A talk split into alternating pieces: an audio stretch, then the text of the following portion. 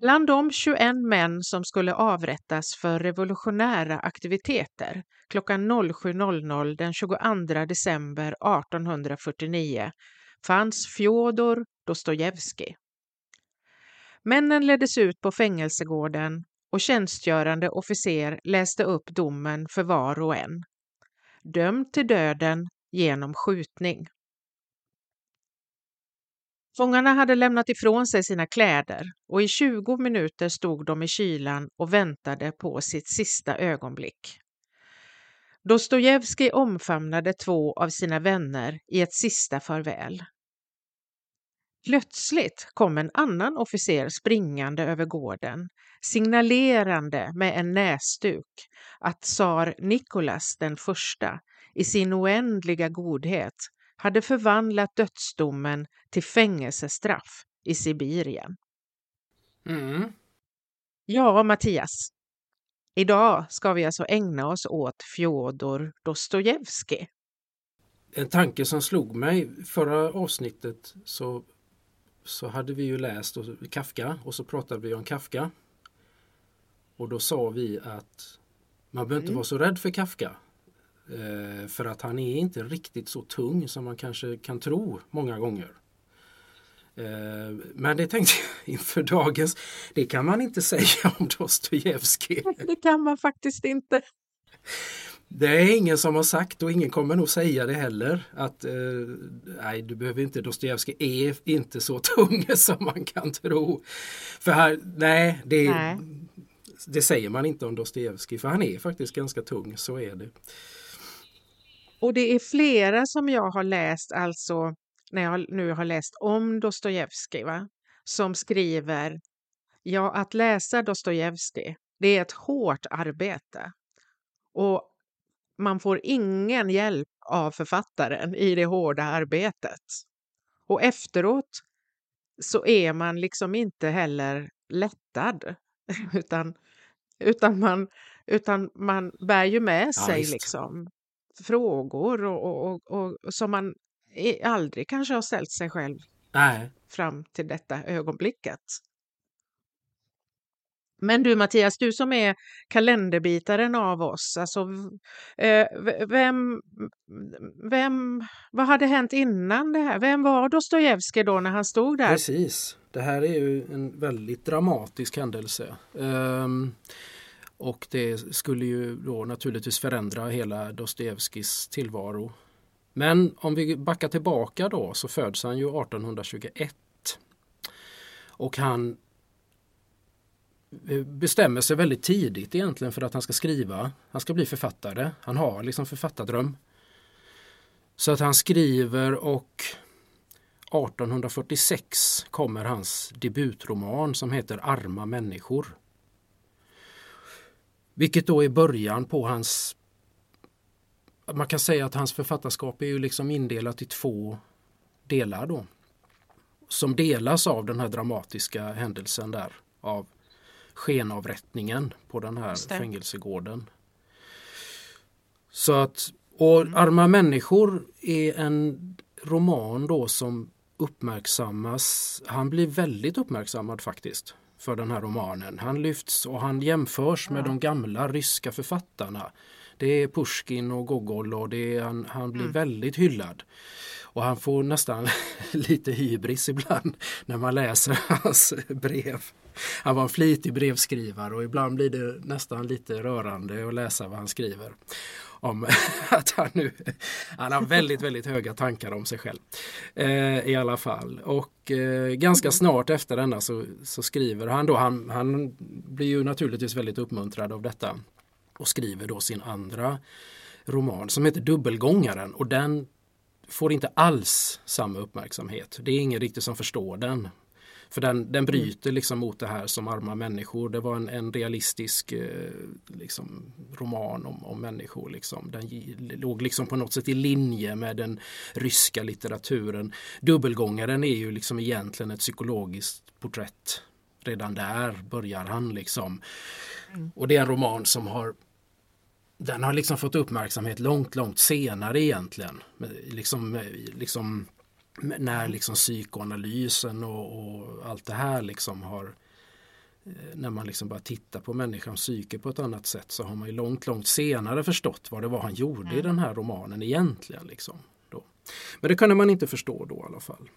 Nej, så egentligen så var han då redan innan allt det här hemska hände då med, med, med eh, skenavrättningen och alltihopa och Sibirien eh, vistelsen och det så var han ändå inne på det här det, det, alltså hans intresse för det mänskliga psyket, det fanns där redan från början säkerligen då? Ja, faktiskt. Ja, för det är väldigt tydligt just i dubbelgångaren och att, att, han, och att han var så tidig att, for, att, att alltså läsarna förstod faktiskt inte riktigt sig på den här boken. Och idag är det kanske den enda mm. av hans, som man kallar då ungdomsverk, som man lyfter idag som fortfarande liksom mm pratas om. De andra böckerna är ju i stort sett bortglömda. Man mm. pratar liksom inte om dem egentligen idag. Mm.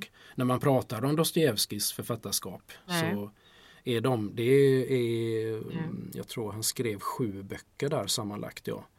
Mellan då 46 och 49 så han var ju otroligt produktiv. Det är alltså inte, då pratar vi inte som tegelstensromaner som han skrev sen. Det här är lite nättare romaner men det är ändå som sagt det är sju böcker på tre år där som han lyckas få ur sig. Liksom. Men så händer då detta. Dostojevskij är en sökare. Han är, han är religiös, troende, ortodox. Men han är också en, eh, väldigt, väldigt intresserad av, av Ryssland, det ryska folket, vart ryska, Ryssland ska ta vägen. Vi, det här är ju då alltså 1840-tal, eh, tsar, tsar-Ryssland vi pratar om.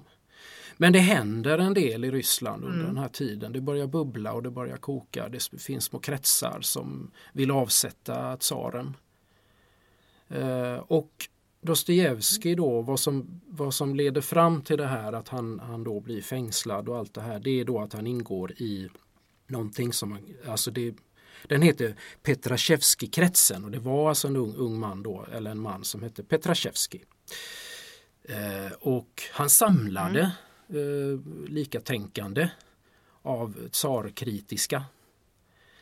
Och de hade diskussioner, föreläsningar, lite allt möjligt. Sådär. Eh, det var som en sammanslutning.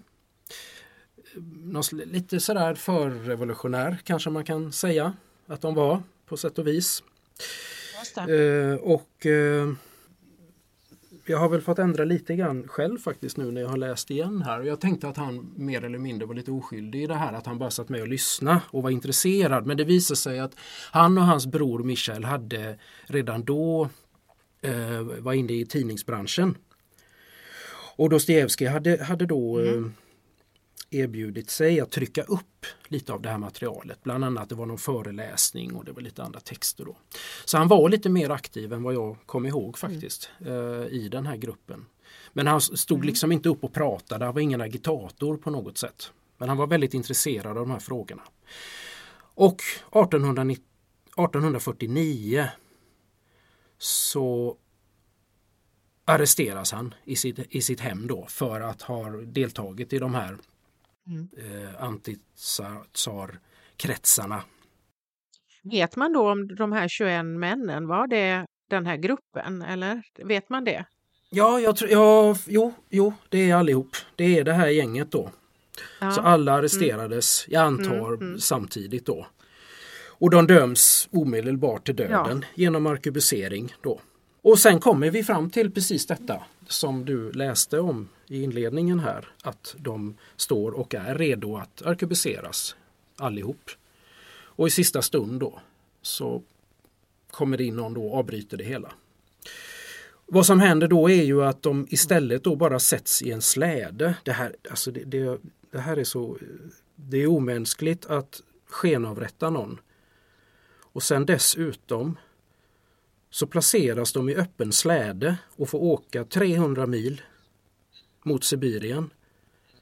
Alltså jag, jag, förstår inte riktigt hur människor har överlevt faktiskt det här. En och, det var en och annan i den här gruppen som faktiskt inte klarade av alltså den här Alltså Fjodor Dostojevskij han verkar på något sätt ändå ha Jag vet inte hur han psykologiskt lyckades liksom eh, jag vet inte vad jag ska säga. Men, men alltså det är klart att det påverkar honom. Men, men vissa av de här blir ju mm. helt enkelt galna som man sa. Av den här behandlingen då mm. faktiskt. Men de forslades då till Sibirien och de når då 1850 så befinner de sig i Tobolsk och sen till slut så kommer de då till det här tukthuset i Omsk som det heter då. Mm. Och där sitter då Dostojevskij och de här, där är han i eh, fyra år. Som eh, straffarbetare då. Och det här kan man läsa om sen i hans bok Döda huset för den som är intresserad. Den, den är faktiskt väldigt bra. En bra, eh, väldigt sådär en realistisk eh, beskrivning av, av de här åren i tukthus och hur det var där. Men han är ju, Dostojevskij är liksom, han verkar varit liksom en väldigt sådär positiv människa. För det pratade ju vi om. Han skrev ju brev då till sin bror. Eh, och han skrev att det här, det, här, det här är så fint, det här är så bra. Jag får möta hela det ryska folket. Det var, alltså man får lite sådär, här, va, vad heter det, här vilar inga halta löss. Utan det, det var liksom, han såg det som väldigt lärorikt och han fick träffa så mycket människor. Det var så, ja, fantastiskt. Ja, vad, vad, vad märkligt. Apropå alltså det här man har pratat om med, med KASAM och det här, liksom människor i koncentrationsläger och det här. Just det. Människor då, hur, hur, kan människor överleva den här typen av eh, helt makabra situationer liksom. Men han, jag kan tänka, det vet man ju inte, men han, han lyckades ju då hitta en, en eh, oerhört positiv inställning till detta. Liksom. Han, han, såg det som att det här är lärorikt. Oj vad mycket jag ska kunna skriva efter det här. ja, ja men precis. Frågan är om det, inte, om det inte är så. Alltså det kan man ju inte veta men jag tänker på en annan eh, sån här eh, Sibirienöverlevare, eh, Solzhenitsyn, som skrev Gulagarkipelagen. Eh, han, han, det, det, det, finns ju, finns ju um, eh, likheter här därför att eh, han, det sägs ju om honom då att han eh, han ägnade hela sin fångenskap i stort sett mm. åt att memorera det han sedan skulle, som sedan skulle bli Gulag. Alltså han skrev Gulagarkipelagen mm. så att säga i sitt huvud och memorerade den, för han hade ju ingen, inga skrivdon. Liksom. Han, nej.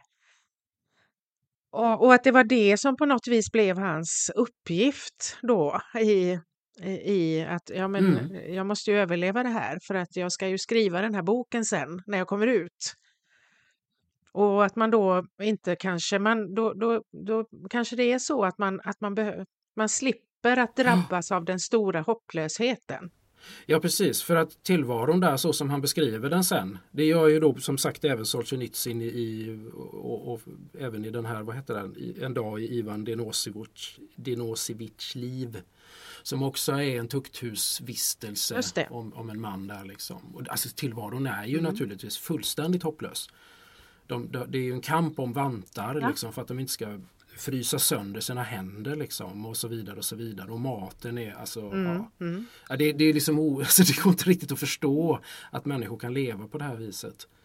Men jag tänker precis som du säger att, att kanske är det så att det krävs någonting liksom. Det krävs någon form av hopp då liksom.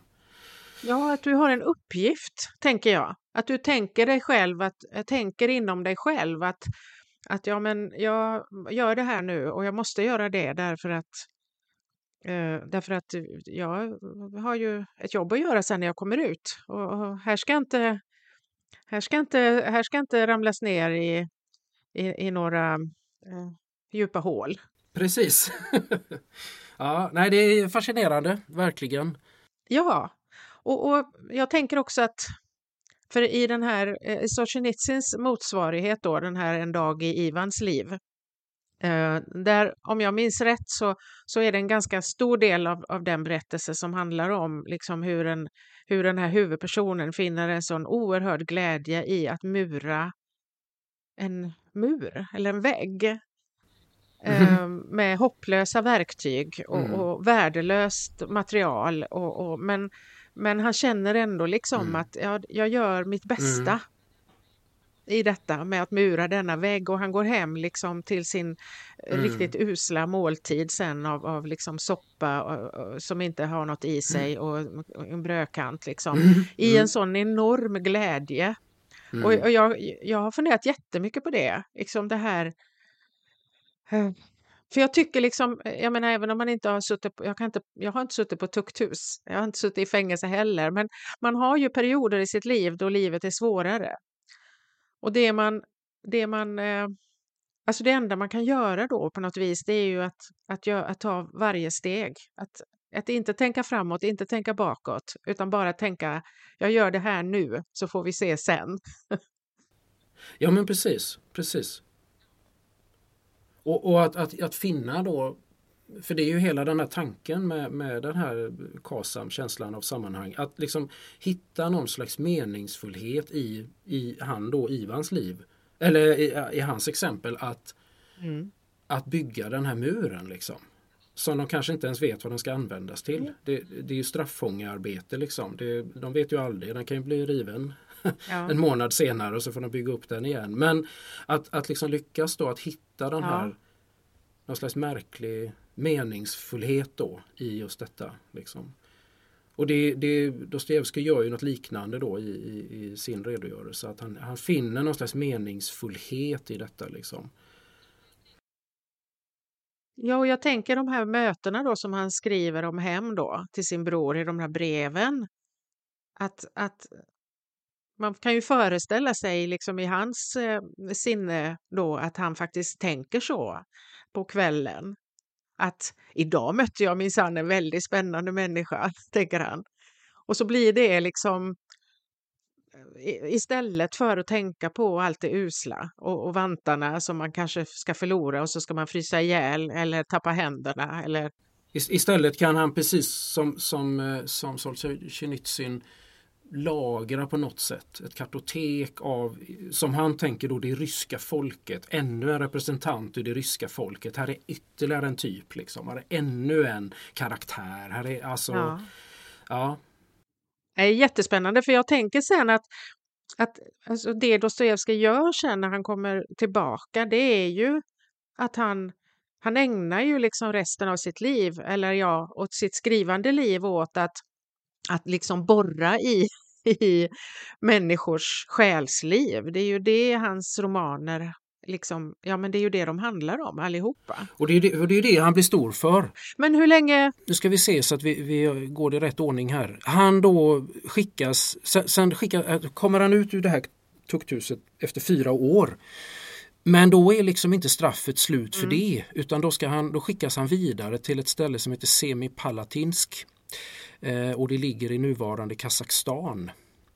Och där är han eh, fortfarande politisk fånge så han har soldattjänst där.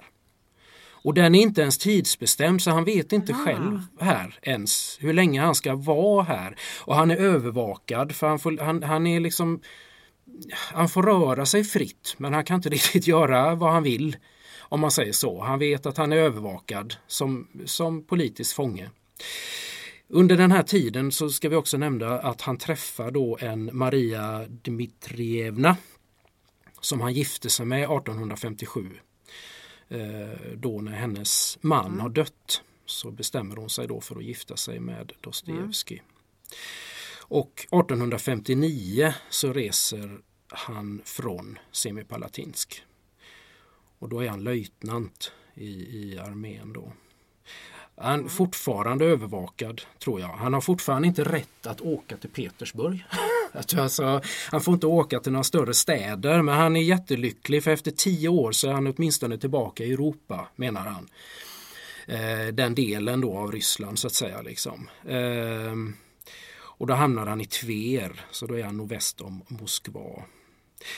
Men nu kan han liksom börja skriva igen i alla fall. Så då börjar han skriva men i böcker som han inte ens själv efteråt är speciellt nöjd med faktiskt. Förutom då den här Döda huset.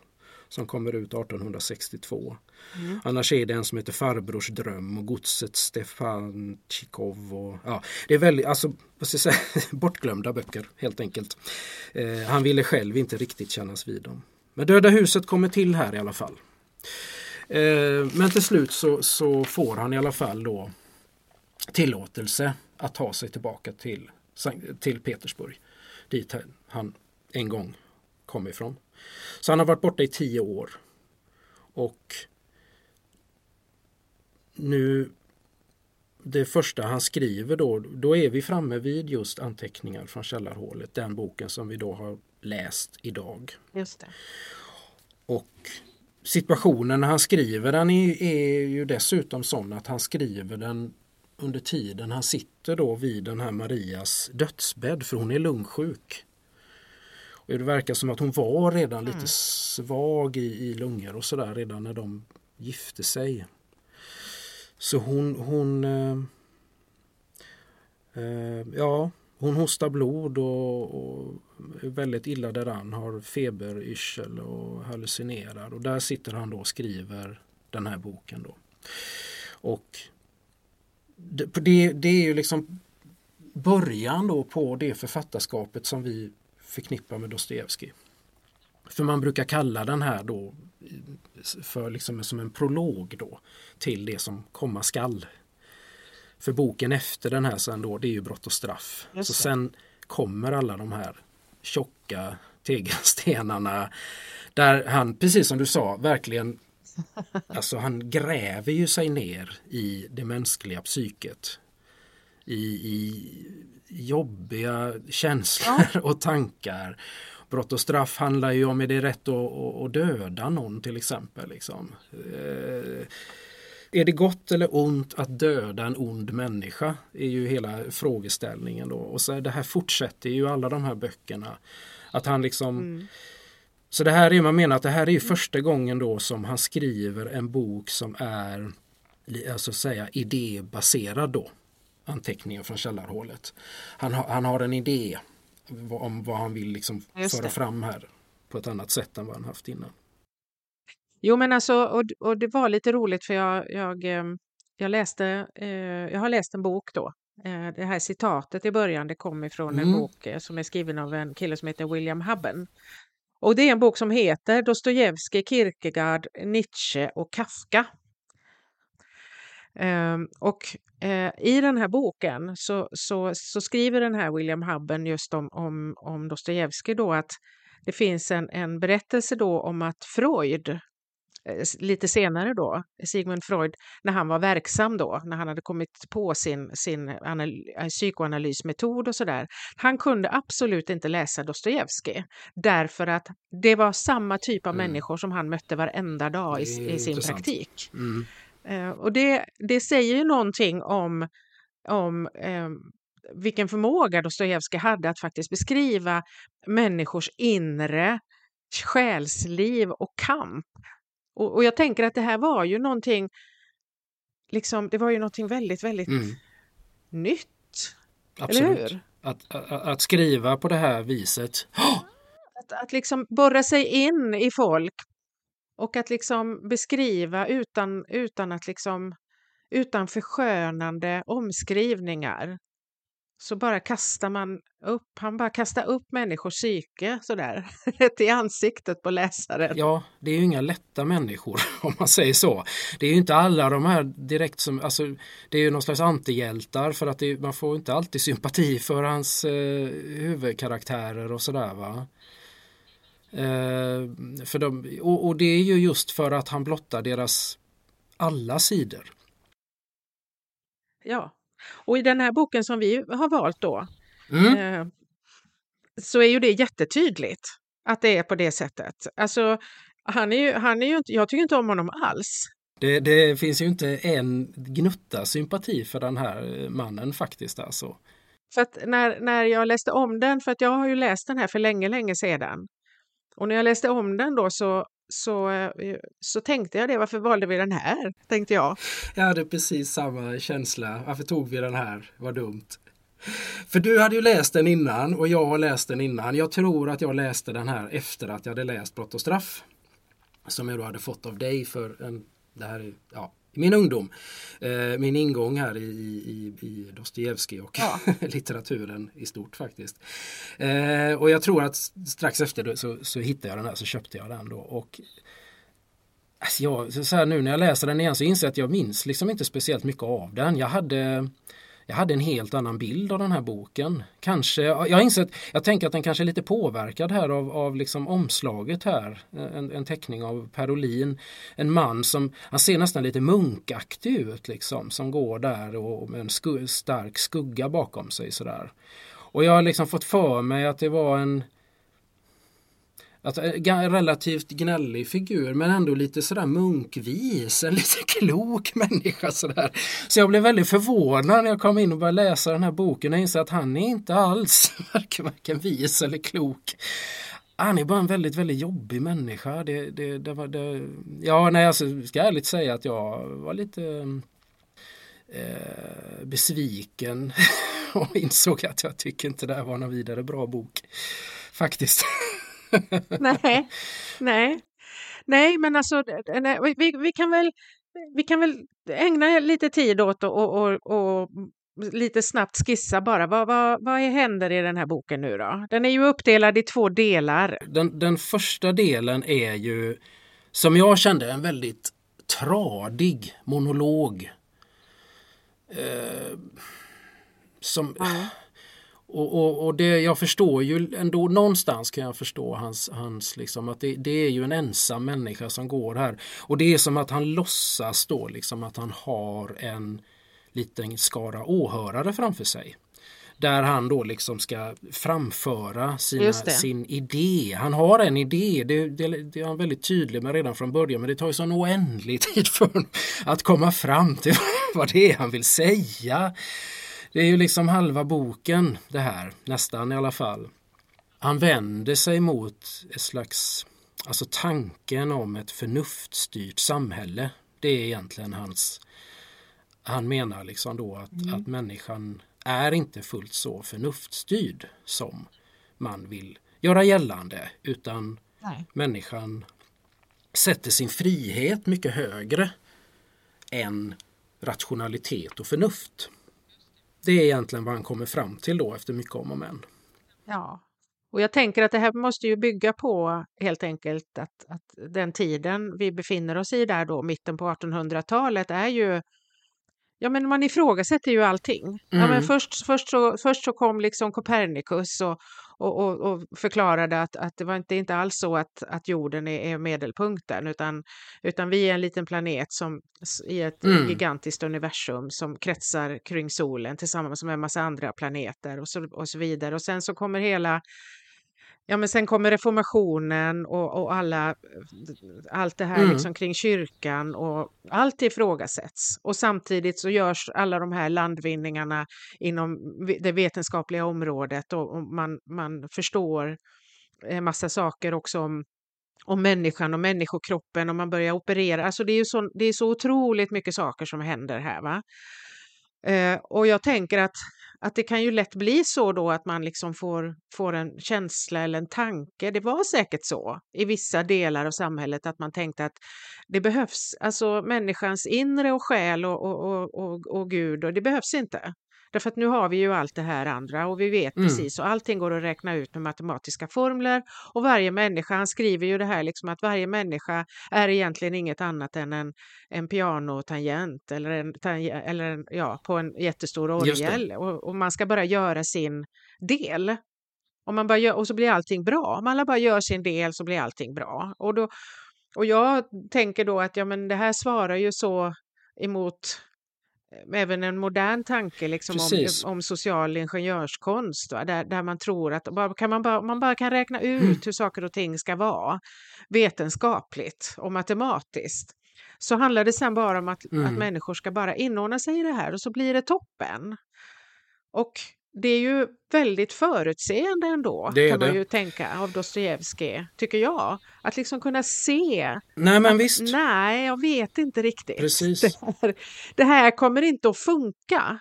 Därför att så här fungerar inte människor. Människor har andra bevekelsegrunder. Mm. Och det var faktiskt i och med det här så då vände då tack och lov lite grann den här romanen. Så jag ska säga att liksom till, till romanens försvar då, Fjodors försvar, så ska jag väl säga att det var, alltså litterärt, det, jag, jag tyckte inte det var någon större läsupplevelse om man säger så. Men däremot när jag väl liksom fattade vad det var han ville säga så måste jag säga att då, då vände det för då, ja. då, då, väckte den väldigt mycket tankar i mig plötsligt. Precis det här som du pratade om. Va? Eh, så jag var tvungen att kolla lite mer på detta då. Vad, vad liksom de här, hans tankar här då grundar sig i. Och då visade det sig att han fick ju då lite hjälp i detta och det är till och med så att han skrev, och det hade jag inte en aning om faktiskt, att den här boken är skriven, det är en direkt replik på en annan bok. Och när man vet det, då blir ju den här boken mycket mer begriplig faktiskt. Ehm, jag kommer att tänka på faktiskt eh, en annan sån som jag har haft samma upplevelse av. Det är ju den här Candide av Voltaire. En bok som jag tror de flesta har fått läsa i gymnasiet. Just det. Och jag kanske jag var inte så uppmärksam när jag gick i gymnasiet. Jag kanske missade det här, inte vet jag. Men jag har, har ingen upp, eh, liksom, ja. jag, jag, förstod mig inte på den här boken. Jag fattade inte varför vi skulle läsa den. Jag tyckte den var dum och tramsig.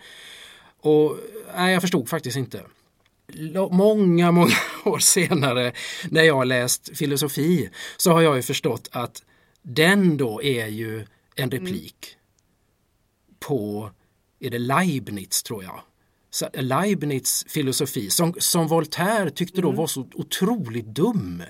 Som, för Leibniz hade den här tanken om, det var ju lite kring det här med teodicéproblemet och det här att, att Gud gör så gott Gud kan och sådär liksom. Att, det, det, och så vidare liksom. Och det var det mm. liksom Voltaire, han, han, tyckte det var så fruktansvärt dumt detta. Så han skrev hela den här romanen Candide som ett svar på, på det är bara en parodi på, på liksom Leibniz alltihop. Och det, då blir ju den romanen, då, får, då, då kommer den i en helt annat ljus och då blir den väldigt rolig. När han hela tiden säger att ja men det är ju, det är ju den bästa av världar. Sådär. Och då, då, förstår man ju den romanen på ett helt annat sätt. Mm. Ja, och då tänkte jag, har jag tänkt, varför sa de inte det? men, men jag menar, det är ju det här som är så intressant när man, när man läser alltså, historiska, alltså jag menar inte historiska romaner utan gamla romaner. Att, att det fanns ju inte något Twitter då. Man, man, man, alltså man, det, man, man mm. var ju mm. tvungen att gå, ville man gå i polemik med någon så, så fick man ju göra det, det i den här formen. Man fick skriva en annan bok. I det här fallet så handlar det ju då om en bok som jag, jag har aldrig hört talas om den, men jag känner igen titeln. Men det har sina orsaker och det här, han heter då Tjertsjynevskij som skriver en roman som heter Vad bör göras?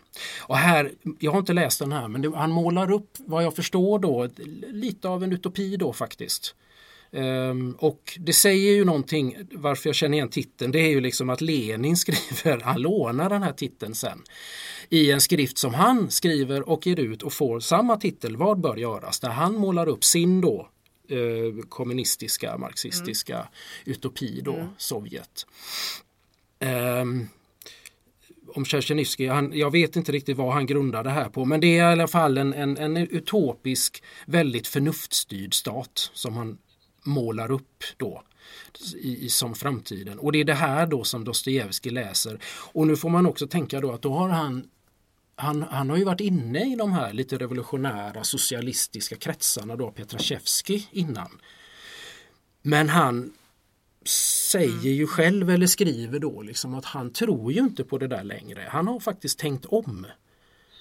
Det finns de som påstår att han blev liksom religiös där i tukthuset men det stämmer inte riktigt för han var djupt religiös innan. Men däremot så tänkte han om i sina politiska tankar, sin, sin ideologi, att han övergav socialismen. Mm. Så att därför, och då, då får man liksom den här första delen får ju, den kom, liksom den får ett helt annat ljus över sig. För då förstår jag den mycket bättre vad det är han, han pratar om här och vad det är han går emot. Att nej, och det är precis som du säger, det är fantastiskt för att det här är, känns som att det, det är liksom innan vi, riktigt, vi har inte riktigt sett exempel på det än. Vi har inte sett de här staterna försöka byggas än. Nej, nej. Men han, se det här liksom. Och han skriver ju faktiskt här att bättre än påtvingad lycka är det fria valet av smärta, menar han vid något tillfälle. Mm. Och att livets högsta Precis. värde är frihet. Så han ställer liksom det här med friheten, människans frihet och mänsklighet, alltså känslan av mänsklighet ställer han mot det förnuftiga ja. och det rationella. Och det, det, det, finns ju, där har ju vi en parallell där till när vi läste Du sköna nya värld. Eh, Aldous Huxley, mm. eh, där vi ju pratar om den här vilden som kommer eh, till det här väldigt tillrättalagda eh, den tillrättalagda världen som beskrivs där, eh, där, där ingen är olycklig och där alla eh, lever precis som de ska. och de tar små eh, tabletter när de börjar känna ja. att de inte mår riktigt hundra så blir allting toppen. Och så kommer han dit och så kräver, han kräver ju smärta. Precis det. Ja, för han är ju uppväxt i någonting helt annat. Han är ju inte uppväxt i den här tillrättalagda, alltså den här vilden då. Ehm, men, men han kräver ju rakt ut liksom, mm. mm. med ord. Så jag vill ha smärtan. Och, och det, är ju, det är ju precis det han är inne på här, alltså att hellre, hellre ja. smärta då och lidande än ett tillrättalagt liv eh, i, i någon form av ytlig lycka mm. som, som inte, där det inte finns något djup. För det, jag tänker att alltså det, ju, det var ju det vi kom mm. fram till väldigt mycket när vi läste just Du sköna nya värld, att lycka utan djup är ju inget liv. Mm. Att bara känna sig tillfreds, är ju, det är ju inget liv. Nej, för plötsligt så förlorar tillvaron sin, sin mening då, om man ska referera till det där med tukthuset. Att, att liksom ja. där, där har vi en, en, ja, som Huxley målar upp en otroligt lycklig värld. Liksom. Alla är verkligen genomlyckliga hela tiden, hela livet. Ja. Men det finns ingen mening. Så att då, då, finns, då är frågan, finns det riktigt liv då liksom?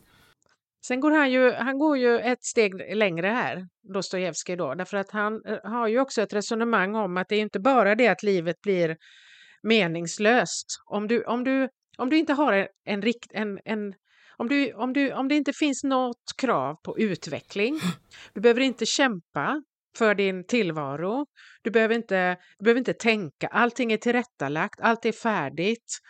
Eh, det är inte bara det att du blir uttråkad, för det kommer du ju troligen att bli, såvida du inte äter någon, någon soma då som är du sköna nya värld hela tiden. Va? Men, annars, men han säger ju också att frågan är om man inte också blir mm. ond.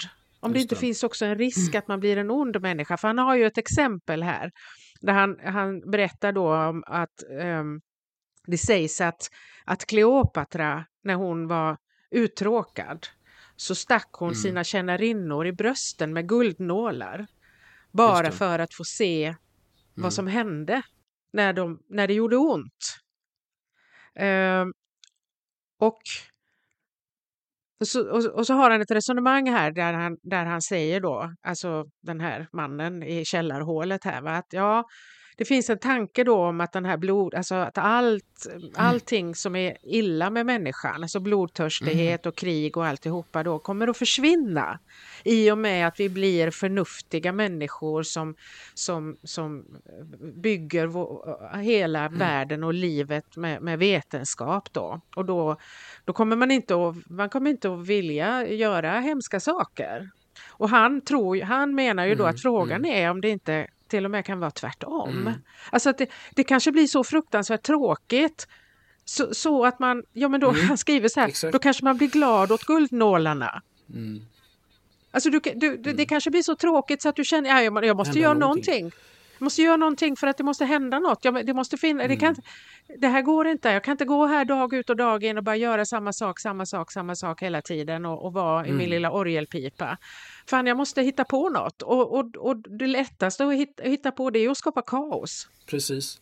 Jag tänker att, nu kan jag inte sådär spontant, men, men alltså just det här med att, att sadismen då föds i ledan känns ju som ett, ett tema som liksom faktiskt har, dyker upp liksom. Att, att du liksom av, av de här... Ja. Ja, Precis, för att det måste hända någonting. Uh, alltså jag känner ju så väl igen tanken i, i liksom mitt eget liv här i det mm. moderna mm. Sverige. För han, han frågar ju sig då varifrån har de hämtat denna ja. sin bestämda föreställning att människor absolut måste vilja det förnuftiga och nyttiga.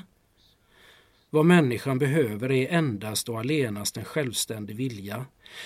Och det där är intressant för att jag, jag vet att alltså, den tanken har slagit mig så många gånger också. Att, att liksom, var, varför, hur, var, hur kan vi vara så säkra på att vi vill att, att vi, det känns som det är så mycket som bygger på att, att ja men vi är förnuftiga varelser och det är vi naturligtvis vanligtvis. Och oftast är vi det, men till en viss del. Och vi kan, vi, det är svårt och det, det, visar ju sig gång på gång också att mm. vi, vi, kan liksom kanske inte bygga ett samhälle riktigt på det där. För att vi har också lika mycket som vi har kanske ett behov av att vara förnuftiga ibland för att vi vet att det är bra så har vi ju precis som han säger också ett starkt behov av en egen vilja. Och den kan ju då många gånger gå precis rakt mot förnuftet istället. Att jag väljer att göra det oförnuftiga, att jag faktiskt väljer det. Jag vet att det är oförnuftigt, jag vet att det är dumt. Mm. Det kan ju vara vad som helst. Att jag, att jag började röka någon gång när jag var ung. Det visste jag väl var ganska dumt. Och ändå så valde jag att göra det. Det var ingen som tvingade ja. mig att börja röka. Liksom. Det var ingen som sa ja. till mig. Jag var inte utsatt för något grupptryck. Jag, jag, det var jag själv som bestämde mig för detta. Oerhört oförnuftigt och ja, orationellt. Absolut. Men det finns ett behov hos oss som jag tänker många gånger och som han också då är inne på här liksom, som gör oss mänskliga. Det är ju det som är grejen. Va? Det är, är det ändå inte det som gör att vi mm. är mänskliga? Och som också gör att människor jag tänker på, på då liksom det som komma skall då i Sovjet och det här liksom, när man liksom, ko, ko, liksom tvingskollektiviserade människor till exempel i gigantiska stora jordbruk och sådär. Ja. Liksom. Och folk gick ju fullständigt under i detta. Kanske inte så mycket för svält och övergrepp men för att, för att liksom tillvaron till slut blir så här. Den, den, är så, den var ju så rationell som det här som de räknade ut där från Moskva. Och så oerhört rationellt alltihop hur, hur hela ja. Ryssland, eh, Sovjet skulle styras liksom med, med, gigantiska jordbruk med hur mycket folk som helst. Och alla skulle precis bara så vara en pianotangent. Om alla bara gör sin del så kommer alla få också åt ja. var och en efter förmåga och allt det här. Liksom. Att du, då får du din beskärda del av mat så du klarar dig mm, mm. och du kan utföra ditt arbete och så blir allting fine. Liksom. Mm. Och då har vi liksom ingen mänsklighet kvar i detta. Det går inte. Och människor, alltså, ja de, de går ju under i en sån situation. Liksom. För det, vi klarar inte riktigt detta.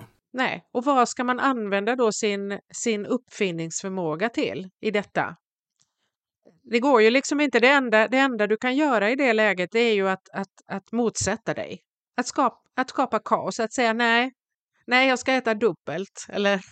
Oerhört oförnuftigt men jag tänker göra det nu för att det ska hända något. nej, vad hemskt. Därför att det är, det, annars är det inget liv. Då är man ju en robot eller en maskin liksom. Um, och, och, och, och, jag tänker också, för jag lyssnar på en del så här moderna, nutida liksom, tänkare, filosofer och det är ganska många som är inne på det här med att det här med liksom att, att vad är det som driver människan, alltså som varelse. Och det är ganska många som är inne på det här att, att ja, men, när en människa har uppnått ett mål, ja, men då blir hon liksom lite tafatt. Det är som att hon älskar sin strävan men inte resultatet. Exakt. Eller hur? Ja, ja. Och, och, jag menar, det kan man ju känna igen hos sig själv. Jätte, att, att så länge du har någonting att sträva emot då kan du ju nästan jobba hur mycket som helst. Mm. Och sen så uppnår du det där. Och då blir du ganska vilsen mm. ett tag tills du har hittat någonting annat som, som ska uppta och, och, och göra att du, att du liksom mm. ja, men upptar din, dina tankar mm. och, och, och, och ger dig energi. För att det är ju det också. Jag tänkte på det faktiskt häromdagen för att jag var jag var inne, vi har startat eh, no, någonting som jag ska berätta mer om någon annan gång, men eh, jag kallar det, eh, i brist på annat, så kallar jag det som ja, men en liten litteraturverkstad här i Västmanland för att försöka lyfta den västmanländska litteraturen. Och det är helt ideellt, liksom, ett ideellt projekt med, med liksom frivilliga krafter mm. och sådär. Men det hålls, hålls ihop lite av regionen. Sådär. Men, eh, och, eh, och jag var så trött när jag åkte dit. För jag hade jobbat hårt på dagen och så tänkte jag, så ska jag dit också, det börjar klockan fyra.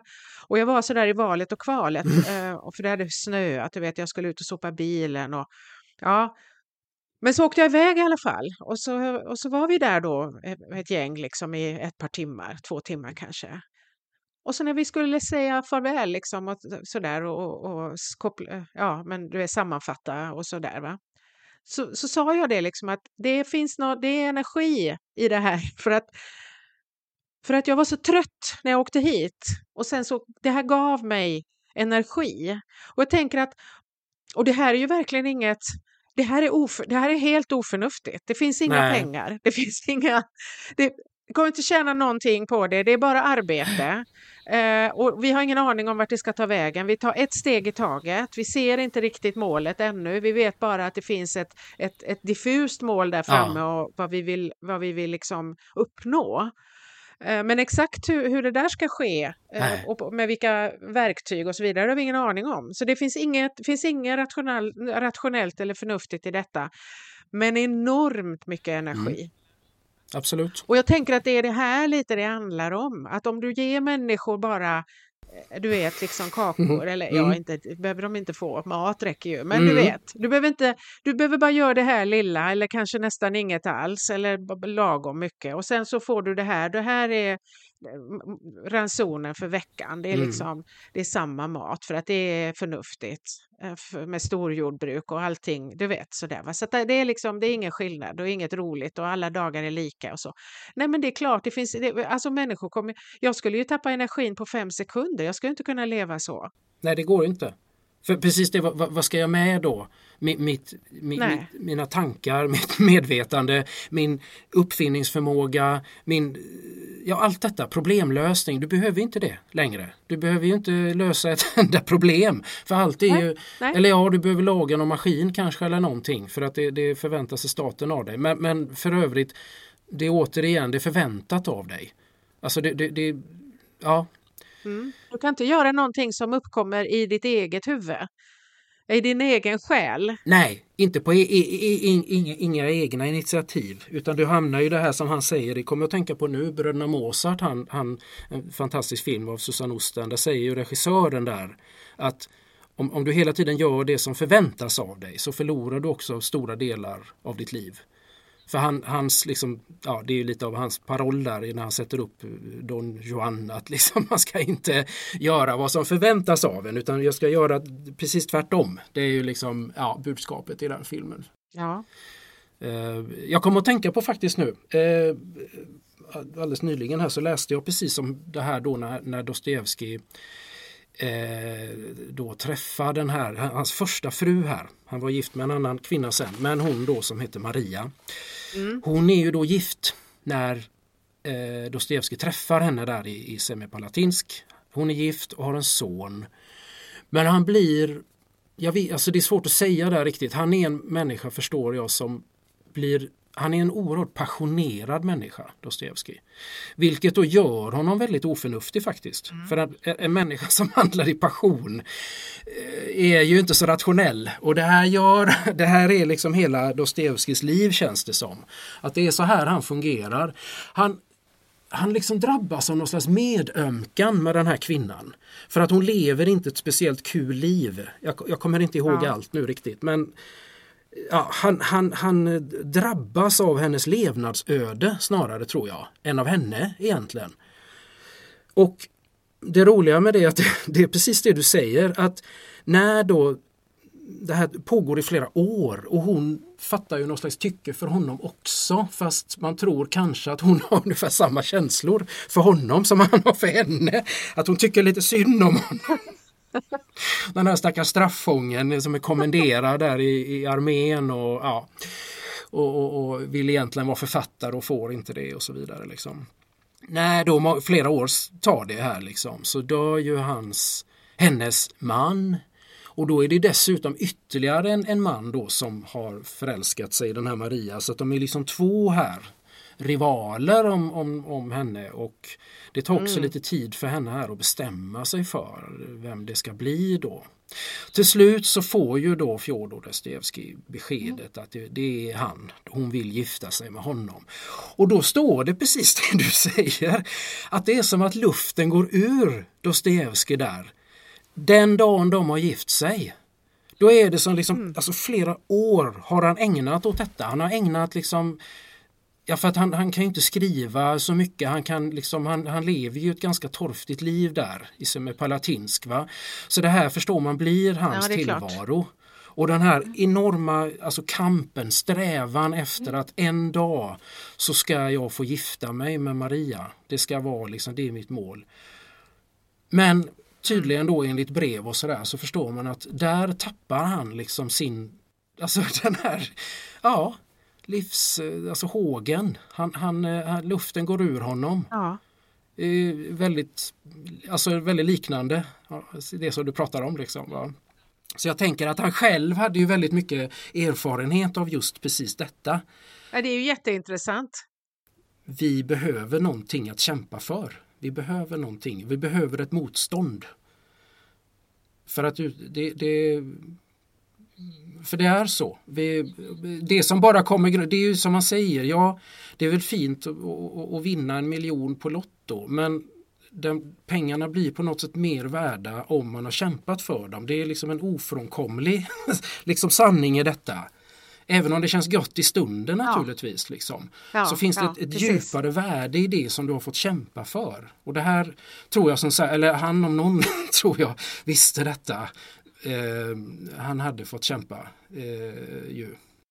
Alltså vid sidan om, om det här eh, väldigt eh, vad ska man säga, intelligenta resonerandet då som jag tror, absolut tror att han, att han, var, att han var förmögen eh, så var han ju en människa som, som själv var, var jätteoförnuftig. Det var han. Han var ju spe, han var spelare, spelmissbrukare i hela sitt liv han spelar ju bort alla sina pengar. Ja. Han, han levde ju i skuld, han, alltså han levde ju till och med i exil. I, i, han fick ju fly till Europa till slut för han kunde inte vara kvar i Petersburg.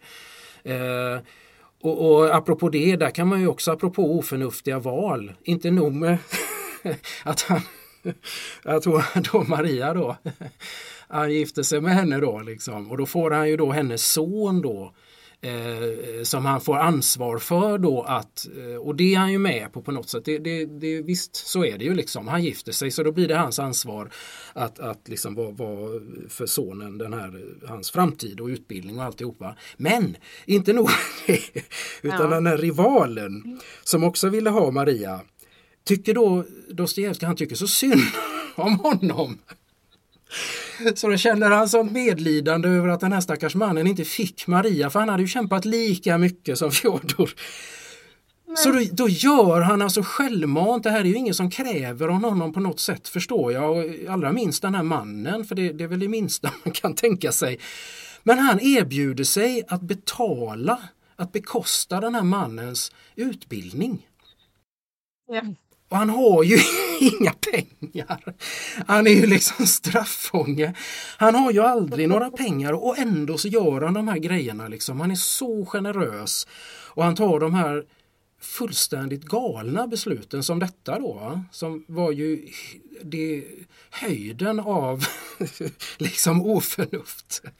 Ja.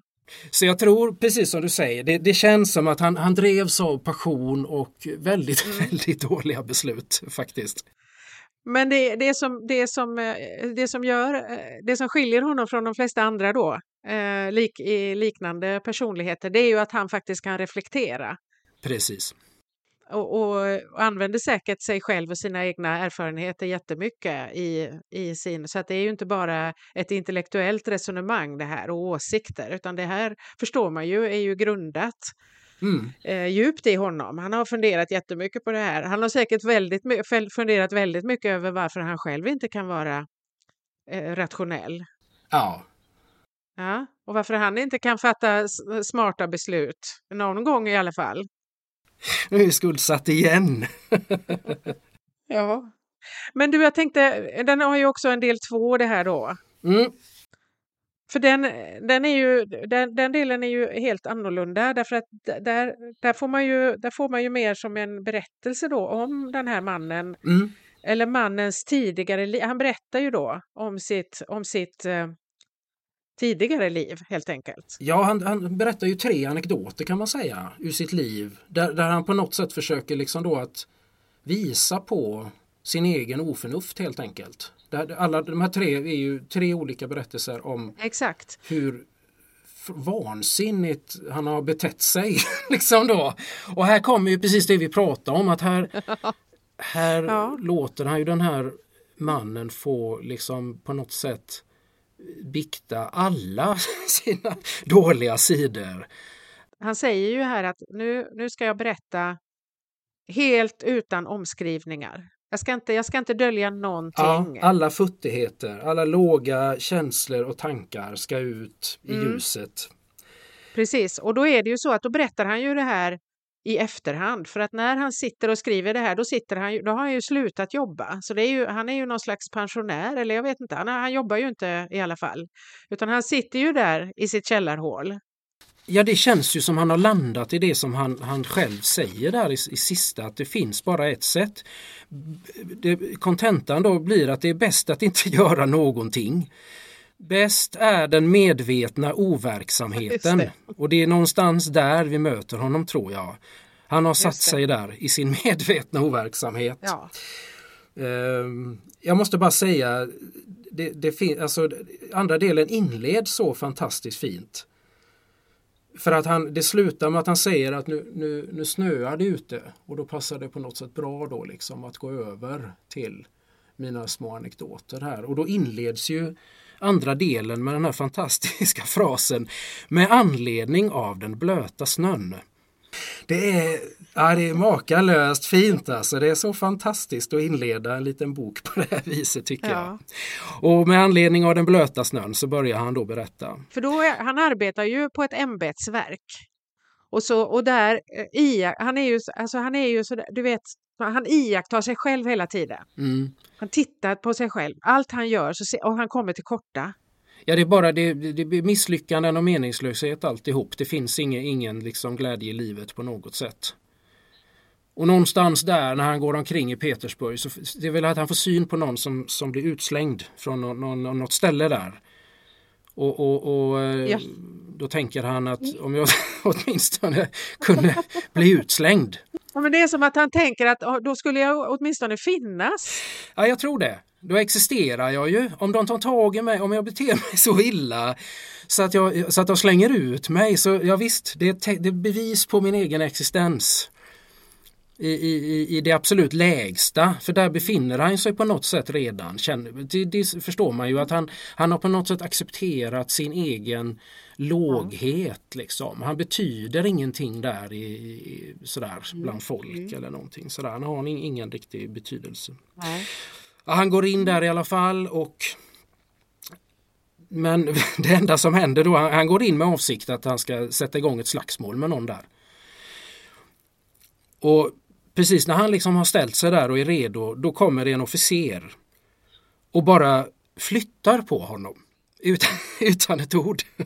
och utan att ens egentligen titta på honom. Han, han liksom bara med, man förstår att liksom lite med handen bara och det här gör honom något så, det gör honom kränkt. På djupet. Ja, han blir ju besatt av detta.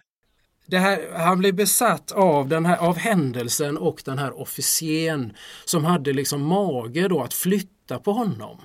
Mm. Eh, ett sidospår av detta har jag faktiskt mm. tänkt på lite när man läser och det gäller överlag faktiskt Dostojevskij. Eh, vi pratar om lättkränkta människor idag hur lättkränkta vi är liksom och så kan man läsa det här. Så tänker ja.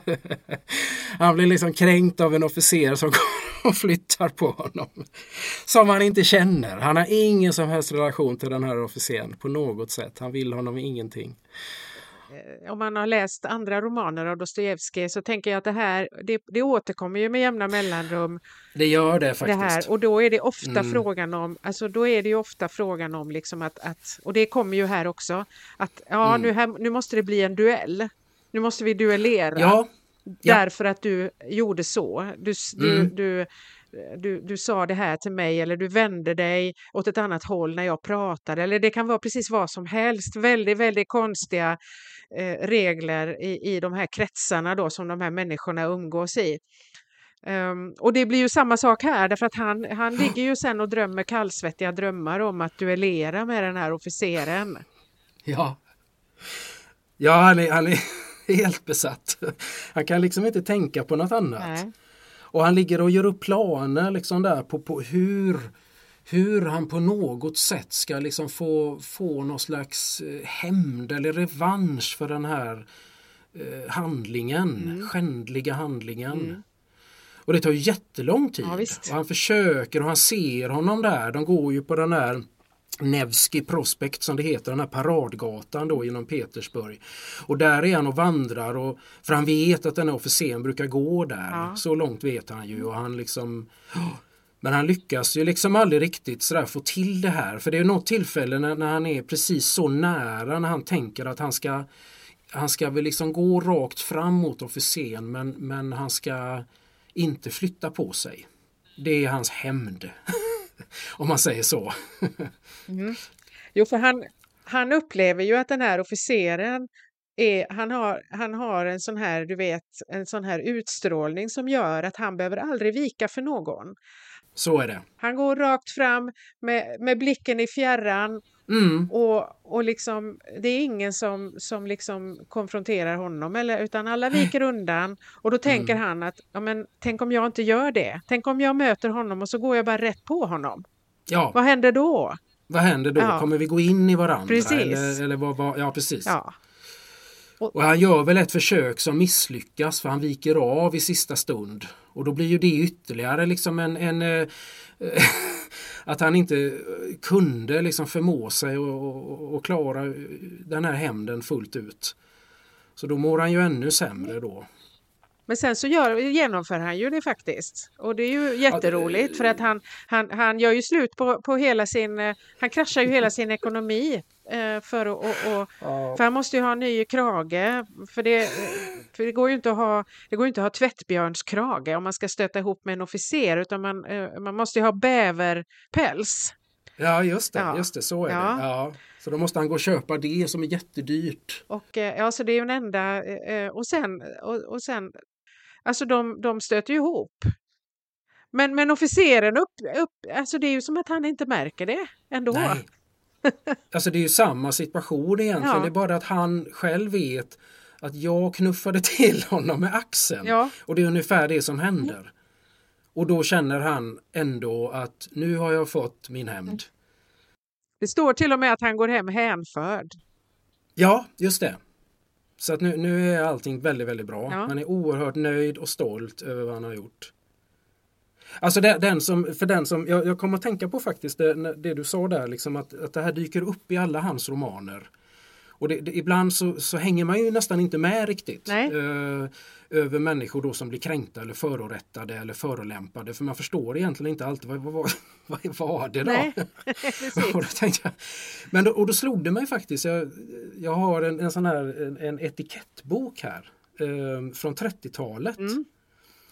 Och om, om man liksom funderar lite, eller om man undrar lite över, över det här märkliga då i de här romanerna så kan man liksom läsa i sådana här gamla etikettböcker. Och då förstår man ändå, liksom, då kan man få en förståelse för ändå hur lätt det var att kränka mm. andra människor faktiskt. Just det. Jag, jag satt nu och bläddrade igenom här, det, det ägnas ett helt liksom, kapitel om, eh, om att avlägga visit. Då. Och det här är, alltså, det är så komplicerat så det är nog alldeles man tror inte det är sant när man läser det. Och då pratar vi, det är ändå liksom 1930-tal här. Ja, Men, men, det är det är som att det är en, ja men det är verkligen, det, det, den, är, den är lite sådär då att ja nej men så, så gör vi inte längre, så behöver man inte göra längre. Nej. Vi har minsann eh, liksom blivit moderna Och, och ändå så är det liksom det är ju en hel liksom, det, och det är ett helt, precis det man upplever i hans böcker att det, det är ett helt spel mm. liksom mm. och det är verkligen bara ett spel. Du, du, du får bara anlägga, avlägga visit liksom vid vissa tider ja. och det finns liksom regler för när det är hon som ska avlägga visit eller när han ska följa med. Mm. Och det finns regler för hur du, väldigt strikta regler för hur du gör då när du liksom kommer dit och när värdinnan då ifrån, självklart att, att det är liksom någon slags eh, sån här då eh, vad, vad, heter det, sådär hembiträde ja, som tar emot i dörren i tamburen. Liksom. Ni träffar ju inte värdinnan direkt. Utan, och så gör man sig i ordning där ute i tamburen och fixar i ordning sig framför spegeln innan man går in. Liksom. Och är hon inte hemma så ska du lägga ett visitkort. Och det ska vikas. Mm. Och det här står, jag vet inte hur många gånger jag har läst det här nu att det, är så, det står aldrig varför, det står bara det är så oerhört viktigt detta att visitkortet av, avges vikt. och då tänkte jag just på detta med Dostojevskij, att liksom, vad händer med den stackaren som glömde att vika? Ja, då blir det duell. Då blir det liksom en, en visa i hela stan ja. och det blir duell på, på Gärdet. I gryningen. Eller ute på Djurgården. För att du vek inte visitkortet ordentligt. Det förstår du ju. Alltså, så när man tittar på de här så kan man liksom förstå att liksom, alltså missar du någon liten, liten detalj i allt detta, då har du liksom gjort bort dig ja. och då får du aldrig mer komma dit. Nej. Du är inte välkommen på deras bjudningar igen. Sådär va. Och det är precis det som händer i hans böcker faktiskt. Att, för att man förstår ju att liksom de flesta, det, det rör sig liksom om någon slags borgerlighet många gånger i hans böcker. Ja, absolut. Och de här sociala reglerna de är så starka och de är så många. Och det är så mycket du ska följa ja. och, och göra rätt.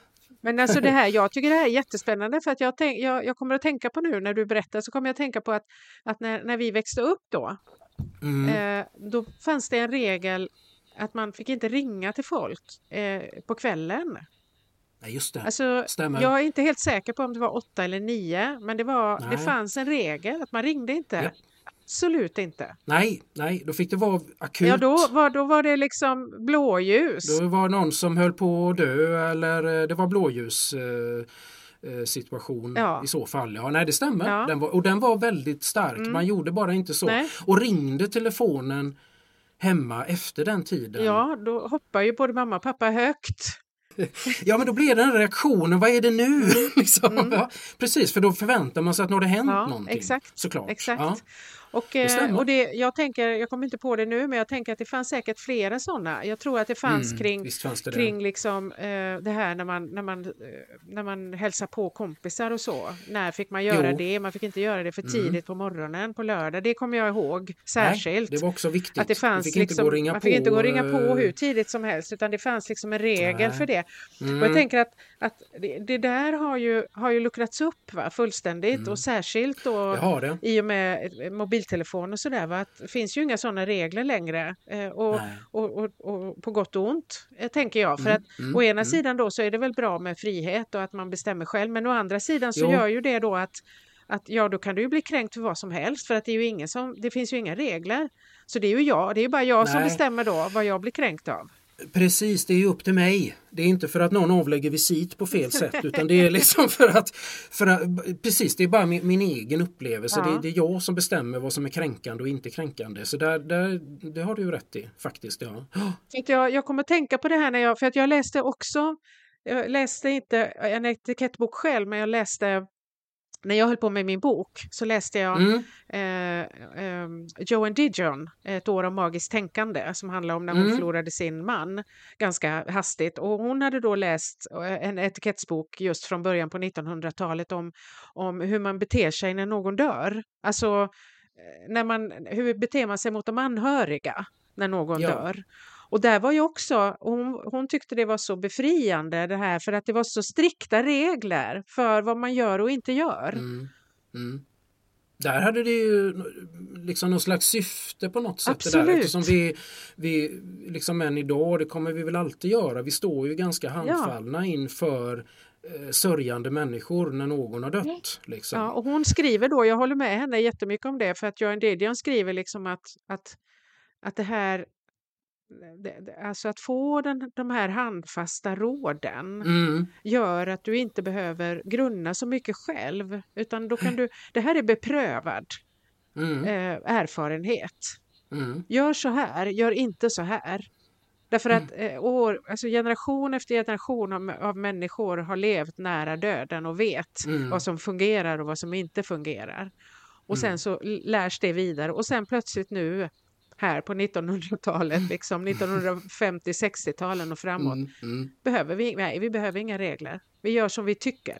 Och det innebär ju Ja, det innebär att vi oftast inte gör någonting alls för vi är livrädda för Mm. att göra fel. precis. Vilket är helt Precis. galet om man Mm, tänker på mm. det.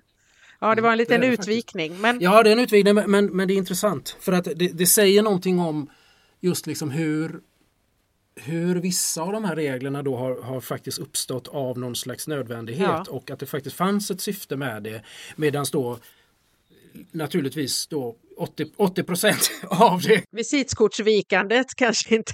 så kan man liksom glädjas åt att allt det här är borta. Liksom. Jaha. Allt det här behöver vi inte tänka på längre. Det är ju skönt för det, där fanns det ju oftast inget syfte med Nej. det. Liksom. Det finns liksom inget syfte i om du får liksom hur du äter en banan till exempel som står medtaget där för banan var ju så modernt då. Ja. Ja, hur- exakt står det beskrivet där hur du gör.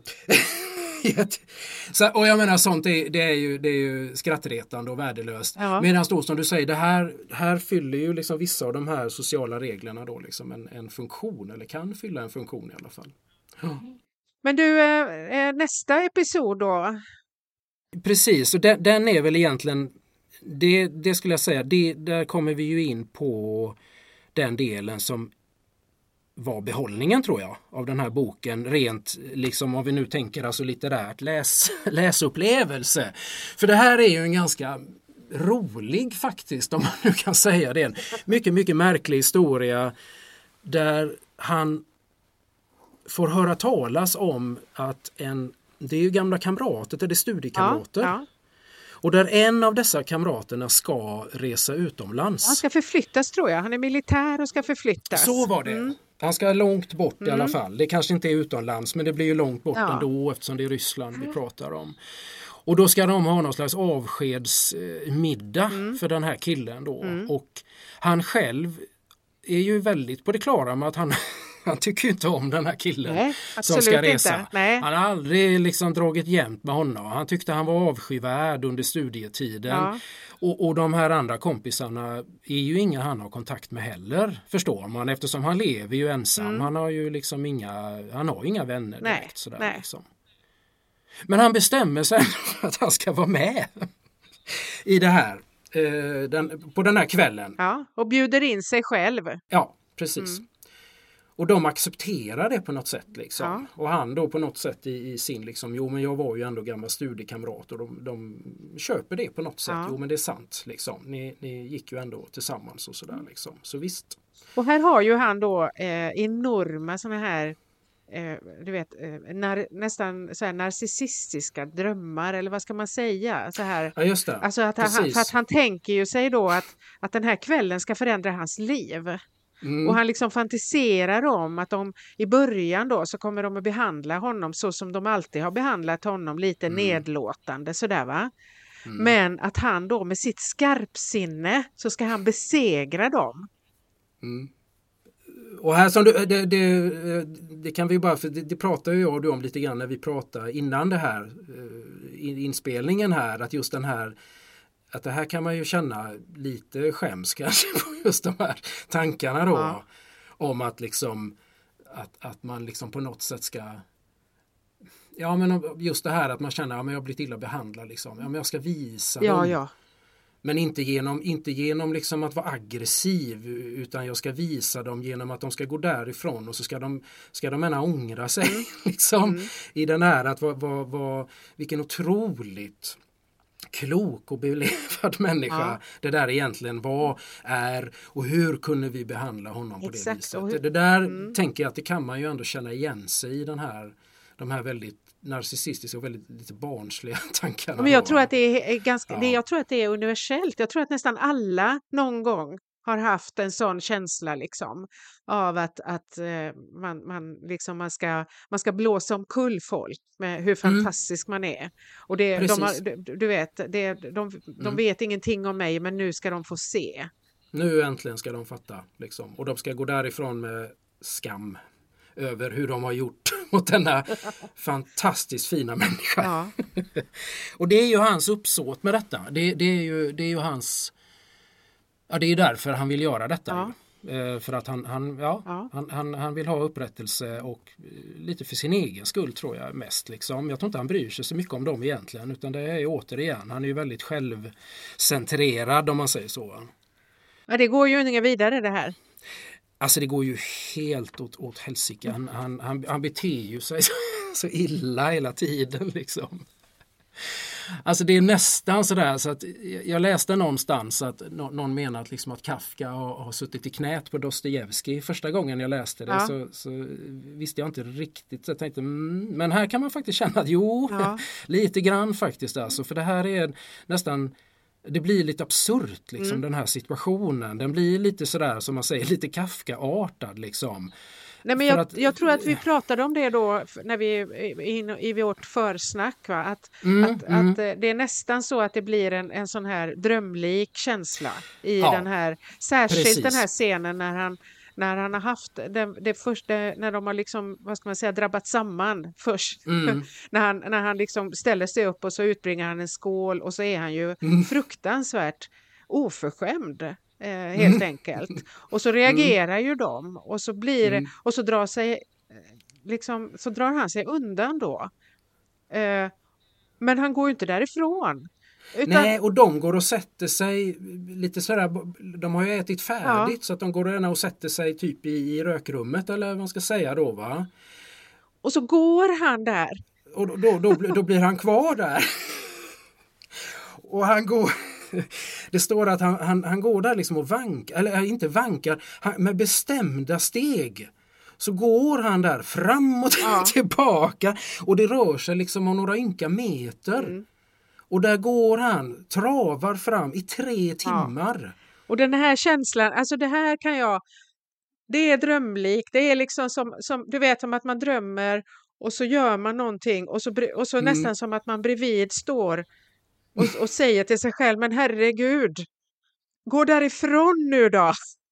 De, det är så uppenbart där att de vill inte ha de vill inte ha med det att göra. Gå härifrån, du har gjort bort dig fullständigt, du har förolämpat dem. De har visat med all tydlighet nu att de, de sitter där borta och har jättetrevligt Ja. utan dig. Och de bryr sig inte det minsta om om du går eller om du är kvar längre. Men han vägrar. Ja, nej, det, det, Mm. och sen, sen så, så ska ju de, då går, ju- vill ju, då går ju de vidare, de ska gå vidare Just det. till en, ett, ett glädjehus då. Ja, de ska till... Ja, Ja, en precis. bordell, helt En, enkelt. en bordell, Ja. jajamän. Och, och Mm. då tycker ju han att jo men det ska ju han med men de smiter Mm. ju liksom före honom så att han får ju Mm. åka och sen när han väl kommer dit och ja men då hittar han ju inte dem men så hittar han en kvinna och så, Mm.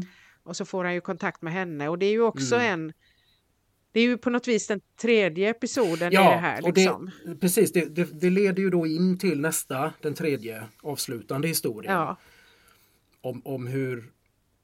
Och det är ju... Där är han ju liksom bara... Alltså han är ju väldigt, väldigt elak. fruktansvärt elak. Han, är, han, är, han, är, han beter sig så fruktansvärt illa här Mm. mot den här eh, unga. För det är ju en ung tjej som är relativt ny förstår man i, i sitt liksom det här eh, som prostituerad då Ja. på det här, eh, i den här bordellen. Eh, Fortfarande ung och vacker Mm. och allt det här liksom. Och hon, hon liksom på något sätt är stolt över sitt utseende och allt det här liksom. Och vad han gör är ju liksom att förklara för henne. Och, och, och det är klart att där kan man ändå, där kan man förstå. Än så länge förstår man. För där försöker han ju bara förklara för henne och försöker få henne att förstå att det där kommer inte räcka så länge. Nej. Du kommer inte vara så där ung och vacker. Det går ganska fort i det här yrket. Mm. Eh, och då kommer de inte vilja ha dig kvar här. Nej. Du kommer skickas, du vet, till och så tar han ju exempel på något ställe där som hon också känner till. Ja. Liksom, där de gamla prostituerade får vara. Mm. De billiga. Precis. Och då berättar hon ju liksom sin historia för honom. Mm.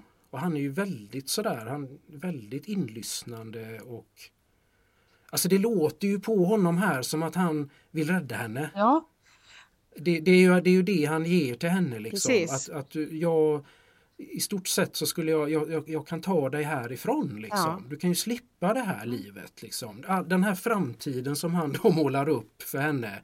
Det kan du slippa. ja.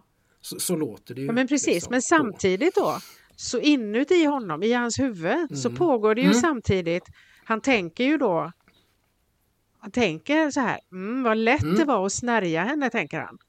Ja. Han är ju väldigt medveten. Alltså Ja. det är så oerhört manipulativt det här han håller på med. Han vet ju precis vad han Mm. gör. Så han har ju inga goda avsikter Nej, han har ju inte ens det. från början. Nej. Och ändå så... Det är bara vad hon tror. Ja. Och så, och Mm. så, så, t- t- liksom, och så, men så säger han ju, han säger ju till jag skulle kunna bli förälskad i dig, säger han liksom. Mm. Just det. Och, så, och så samtidigt då så har han de här tankarna inne i huvudet. Det är fruktansvärt, men Mm. väldigt intressant. ju. Och, och jag menar hon faller ju i bitar den här flickan. Hon gråter ju förtvivlat. Liksom. Ja, ja, hon bryter ju. Fullständigt. Och, och, eh, vilket, vilket gör att hon, hon får gråta i hans knä. Ja, liksom. ja. Och, och han tröstar henne. Och det sista han gör det är att ge henne, henne hans, sin adress. Ju. Ja, Vilket ju blir en sån tydlig invit liksom att eh, kom du. ja. Precis, och sen blir han ju, sen, sen är han ju helt skräckslagen över att hon ska dyka upp. Mm, då går han ju och, och tänker på det varje dag. Ja. Samtidigt då som han, som han har tankar om att han, ja men du vet lite som, som eh, i Pygmalion, du vet eh, Eliza ja. Och, och professor, eh, vad han nu heter, Ja, professor. Hi- Ja, Higgins. Ja. Higgins, Ja, det. Att, Mm. att han liksom ska kunna rädda henne och, och liksom Mm, lära mm. upp henne och bilda Mm. henne och gifta sig med henne. Men samtidigt så är han ju, alltså ja det är ju, det, det är ju, och så dyker hon ju upp naturligtvis. Mm. Och så är han ju fruktansvärt elak igen. Ja, för då, då låter han ju henne förstå att, Hur kunde du tro det? att jag skulle ta emot dig. det, det, det är ju absurt ungefär. Liksom. Precis. Och hon kommer ju dit liksom med, med precis den. Hon har, ju, hon har ju bestämt sig förstår man ju. Det har ju gått en tid här nu liksom. Ja, så hon har ju ja. gått där och, och, och tänkt och, och, och eh, liksom tagit det där steget att jo, jag gör det. Liksom. Ja. det och, och så blir hon ju mer eller mindre bara utkastad därifrån i Ja. någon slags total förnedring. Ja, ett fullständigt. För Mm. att han tar, ju, han tar ju på något vis... Eller, det är som att han öppnar lite. Ja, men, såg du inte vad jag gjorde? Just lite det. så. Jag Ja. manipulerade ju Mm. dig. Det bara- Fattar du inte det? Mm, precis. Hur, hur, hur, hur kunde du inte se det? Och det sista han gör är ju att han, han trycker en, en, en sedel i handen på henne. Just det, just det. Som en, som Mm. en sista sådär förnedrande gest. Ja, och sen så står det att han bestämmer sig ändå för att en förödmjukelse är ett reningsbad. Nej men alltså det är ju fruktansvärt. Nej men han är helt fruktansvärd. Han är, han är så hemsk, verkligen alltså. Och han är den här som, som på något sätt Ja men som, som, alltså det här är lite typiskt också narcissistiskt att upphöja sig själv så. Att, jag tycker ju själv att han är så fantastisk liksom och klok och, och, och, och, och, och att han själv har valt. Han har själv valt utanförskapet. det, det, det är ett val. Han, han har valt den här, ja, ja, ja, ja, för att han är ju egentligen bättre än alla andra. Men jag, Mm. jag bestämmer mig här för att vara overksam. För det har jag Ja. kommit fram till. Att Ja. det måste ändå vara det bästa i den här världen. Och, och, men jag tänker ändå bättre än alla Ja. Mm. andra. Liksom. Nej, men nu Ja. jag tänker, jag, jag menar jag kan inte låta bli att dra paralleller till, till eh, jag hittade ett, ett begrepp som jag aldrig hade hört talas om riktigt innan. Eh, men du vet det här med med, med eh, alltså röda pillret och blå pillret att, eh, ifrån eh, Matrix. Va? Att antingen så, så ser du verkligheten så mm. som den verkligen är eller så lever du kvar i det du tror. Det är liksom, men då finns det ett begrepp som kommer någon annanstans ifrån, vilket jag har glömt nu, men som tydligen har börjat användas lite och det kallas för då att ta det svarta pillret. Nej, och det handlar då, och då är, då är det liksom, nej men då, då, då menar man lite att, att se, det är det här nihilistiska eh, synsättet ah. lite fast i modern tappning. Va? Ah. Att du, det, nej men alltså du, du tar det svarta pillret och acceptera att ingenting betyder någonting. Ja, och att det är, inte någon, mm. ingenting, det är ingen idé, ingenting är någon, allt är fucked up i alla fall. Mm. Så det mm. spelar ingen roll, ingenting mm. spelar någon roll, det har ingen betydelse. Du kan lika gärna, du vet, och, och, och då, då tänker jag på de här, eh, du vet som man brukar höra talas om ibland, va? Eh, incels. Eh, och det behöver inte bara betyda just incel, alltså det här med, utan eh, eh, hela den vad ska man säga, hela, det, hela den kulturen, liksom att, att du, ja. du, du sitter, nej jag sitter kvar här mm. i en källare mm. och, och, gör vad jag nu gör för någonting mm. vid min dator. Mm. Liksom. Um, och, och uh, Alltså jag vet inte, men jag får liksom, mm. jag, jag, drar paralleller, jag får liksom en mm. känsla av, av det när jag, hela den här Hela den här boken mm. ger en känsla av det, att mm. det är mm. det han har valt på något mm. vis. Det är det han väljer. Liksom. Han väljer, nej men jag sätter mig här i källan, jag tänker inte göra något. Mm. Jag tänker inte bidra, jag tänker inte, jag stannar här nu, det är mm. bra. Ja, och jag menar, hade, man tänker liksom, flyttar man fram den här då apropå, det, det blir, har ju blivit ett begrepp det här, källarmänniskan för övrigt, ja. av den här boken. För att säger man källarmänniska så, så ja men det, det, är ju lite som att säga att det är Kafkaartat och allt det här liksom. Att mm. Det är lite av ett begrepp ju.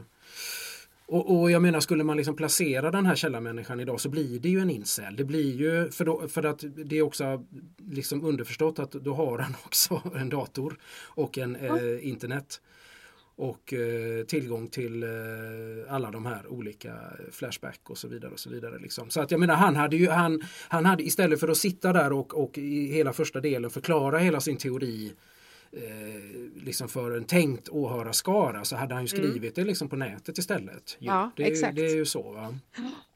Så att det finns ju absolut, jag har precis tänkt samma tanke där. Att, att ja. det, det, den eh, det, det, finns ju likheter här, liksom, den tangerar det där. Att, att liksom, ja men precis det, att ge upp. Jag har inte hört det här med svarta pillret men det är ju precis det där. Att det, ja. Som du säger, det har ingen betydelse om Nej. jag lever i en illusion eller inte. Nej. Och det, det är ju lite grann det han kommer fram till också. Att, mm. att den, den, här liksom o...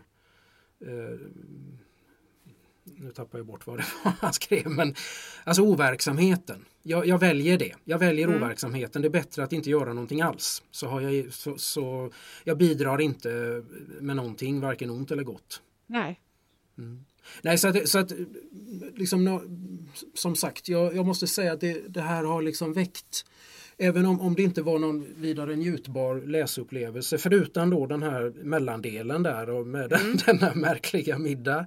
Ja. Som ju, ja men den är, den är den, den var rolig att läsa faktiskt. Men, men, men förutom det liksom, så, så är det ju om man ska tänka liksom, är, det, är det liksom en bok värd att läsa så måste jag ju ändå säga att ja det är det ju för att den är den har väckt så väldigt mycket tankar i mig.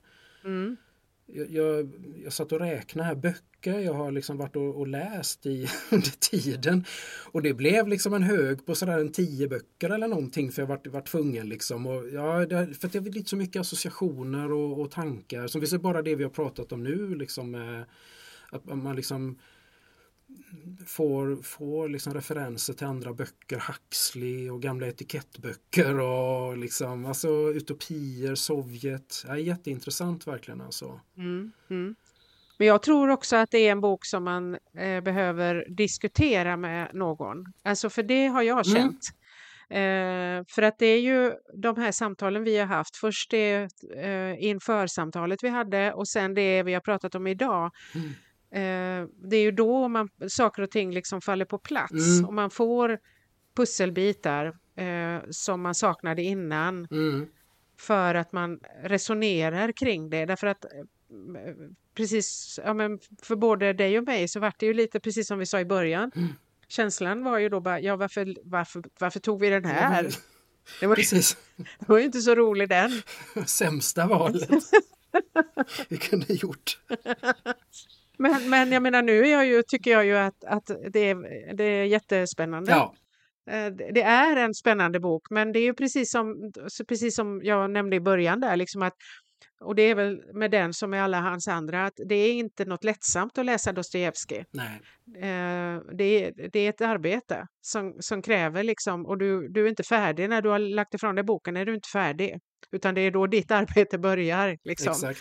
Och, det, och det, det stämmer ju, har vi ju Mm. upptäckt, att det är så. Absolut. Och jag tror också, apropå det som jag sa, att jag faktiskt, jag, jag kommer inte ihåg någonting. Jag kände faktiskt inte igen Nej. någonting när jag läste den här boken igen. Nej. Och det är ganska ovanligt tänker jag. Jag menar, jag brukar ändå känna igen, även om man, vi har ju varit med om omläst och man upplever nya saker och sådär och känner att oj, oj, oj, det var liksom, det här tänkte jag inte ens på den gången. Men här var det, det var som att läsa den från början, jag, alltså, första gången. Det, jag kände inte igen någonting. Och Nej. tänker jag att det kanske har med detta att göra för att det var ju precis så, jag läste den och jag antar att jag inte riktigt fattade. Nej. Och hade väl ingen just då heller att diskutera den med. Och, och ja, den föll i glömska. Den, den, eh, den satte inga spår faktiskt då för, i, i, i min 20-åriga hjärna. Eller vad jag nu kan ha varit. Liksom. Den eh, gick förbi spårlöst och det kanske är precis det. Som så mycket, för jag tänker det här är ju liksom ett, ett som det är med de här författarna. Jag tänker på, jag har ju läst mycket och lyssnat mycket på Ove Wikström Mm som väl i grunden är religionspsykolog. Men han har skrivit mycket böcker, bland annat den här Till långsamhetens lov som ju är liksom en, en av hans största böcker. Men han har ju skrivit många utifrån. Men han utgår ju nästan, nästan varenda bok han skriver utgår från Dostojevskij i stort sett. Liksom. Mm. Och, och är han med någonstans, så, jag tror inte jag lyssnat på en enda liksom, podd eller program där han är med där han inte på något sätt hänvisar till Dostojevskij. Han är liksom, alltså, han, det är, för att det är en tankevärld liksom det här Mm. va. Och det, det är precis så, det tar aldrig slut. Det, det, det finns alltid nya aspekter, det är alltid intressant att och liksom eh, gå in i hans, eh, de här världarna med så många skikt liksom. I alla de här böckerna. Jag kan tänka också att alltså om, man, om man är då psykologiskt intresserad, va? Eh, som han ju är förstås, som han är religionspsykolog, Mm. så går det ju alltid att hitta en karaktär som, som går att knyta till det som du kanske just nu håller på Mm. att grunna på. Eller så. så går det liksom alltid att hitta en Dostojevskij-karaktär antagligen. Därför att han har ju skrivit om så väldigt, väldigt, väldigt många Ja.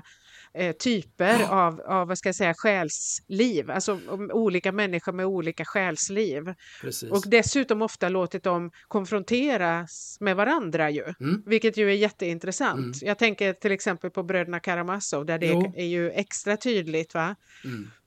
Där är ju verkligen liksom, det, hela den romanen drivs ju av den, det är som att den drivs framåt av konfrontation och samtal, dialoger. Exakt. Ja. Där idéer liksom ska eh, liksom eh, stötas och blötas och stångas. eh, Sådär va. Precis. Och det är också en av de böckerna som han pratar mest om såklart. För den är också, Ja. bygger ju väldigt mycket på tro och religion och, och liksom sådär. Den är ju liksom, det är ju huvudidén där verkligen. Men, men, men han nämner ju många och det är precis också som, som då, alltså inte så då som sagt i den här boken men det här är ju också då som vi sa lite av en Ja man brukar säga att det är som en prolog då till de andra böckerna. Och där är ju även liksom bifigurerna många gånger intressanta. Det är ju det som är kul med, med Dostojevskij att det dyker upp andra personer som inte har liksom någon avgörande roll som dyker upp i en, en del av boken. Mm. Som också, så han, han, han gjorde sådana karaktärsstudier på, på väldigt många, jag ska inte säga alla, men, men väldigt många av de karaktärerna som dyker upp så, så har de ändå ett djup. Liksom. Ett, det finns som sagt, du kan, du kan liksom hitta grejer i, i, i många karaktärer. Eh, när man då tänker mänsklighet, psykologi, all, allt det här. Och, jag, och det är ju, jättemånga som säger det också Mm. förstås, alltså sådana Dostojevskij-kännare och jag Mm. tror ju verkligen att det stämmer att alltså anledningen till att han är så relevant Mm. är ju just att han att han, det är det här han gör. Alltså Mm. att han borrar i människors psyke. Han, Mm. han, han, eh, han låter ju oss, eh, ja men eh, precis, han, han liksom han, presenterar ju människor för oss, för läsaren, helt öppna. Mm. Det finns inga, det finns inga, för, liksom, finns inga eh, skydd utan precis. man får bara se rakt in i dem mm. och se precis vad de, vad de vad, vad de håller på med, hur mm. de tänker, hur de fungerar, hur de känner och, och hur de manipulerar mm. och, och, och, håller på. Och, mm. och jag tänker att Alltså det måste ju ha varit något ganska nytt och det är väl det som mm. gör att, att han, och, och sen att han, att, det, att han var så skicklig på det så att det fortfarande att det finns liksom ingen annan, det är klart att det finns folk som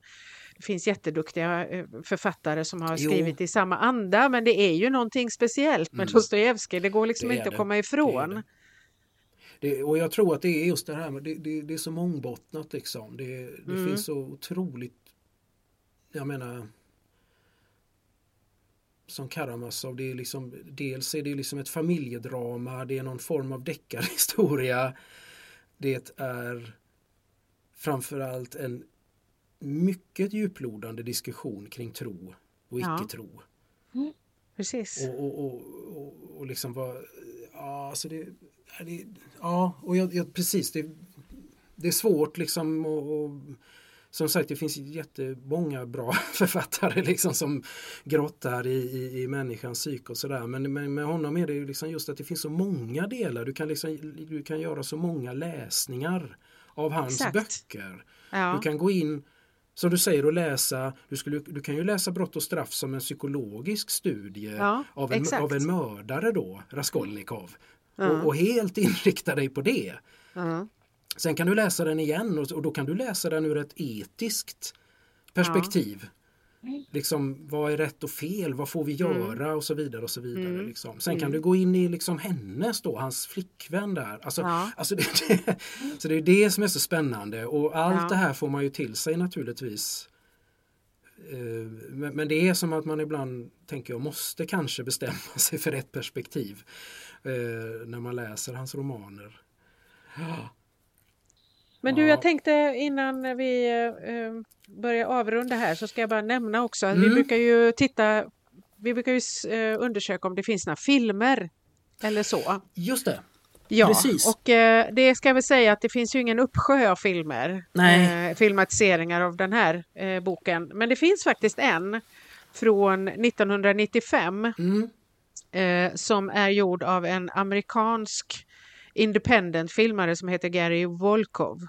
Och den heter just Notes from Underground och den är då förflyttad i tiden så att den utspelar sig, skulle jag gissa, på 80-talet.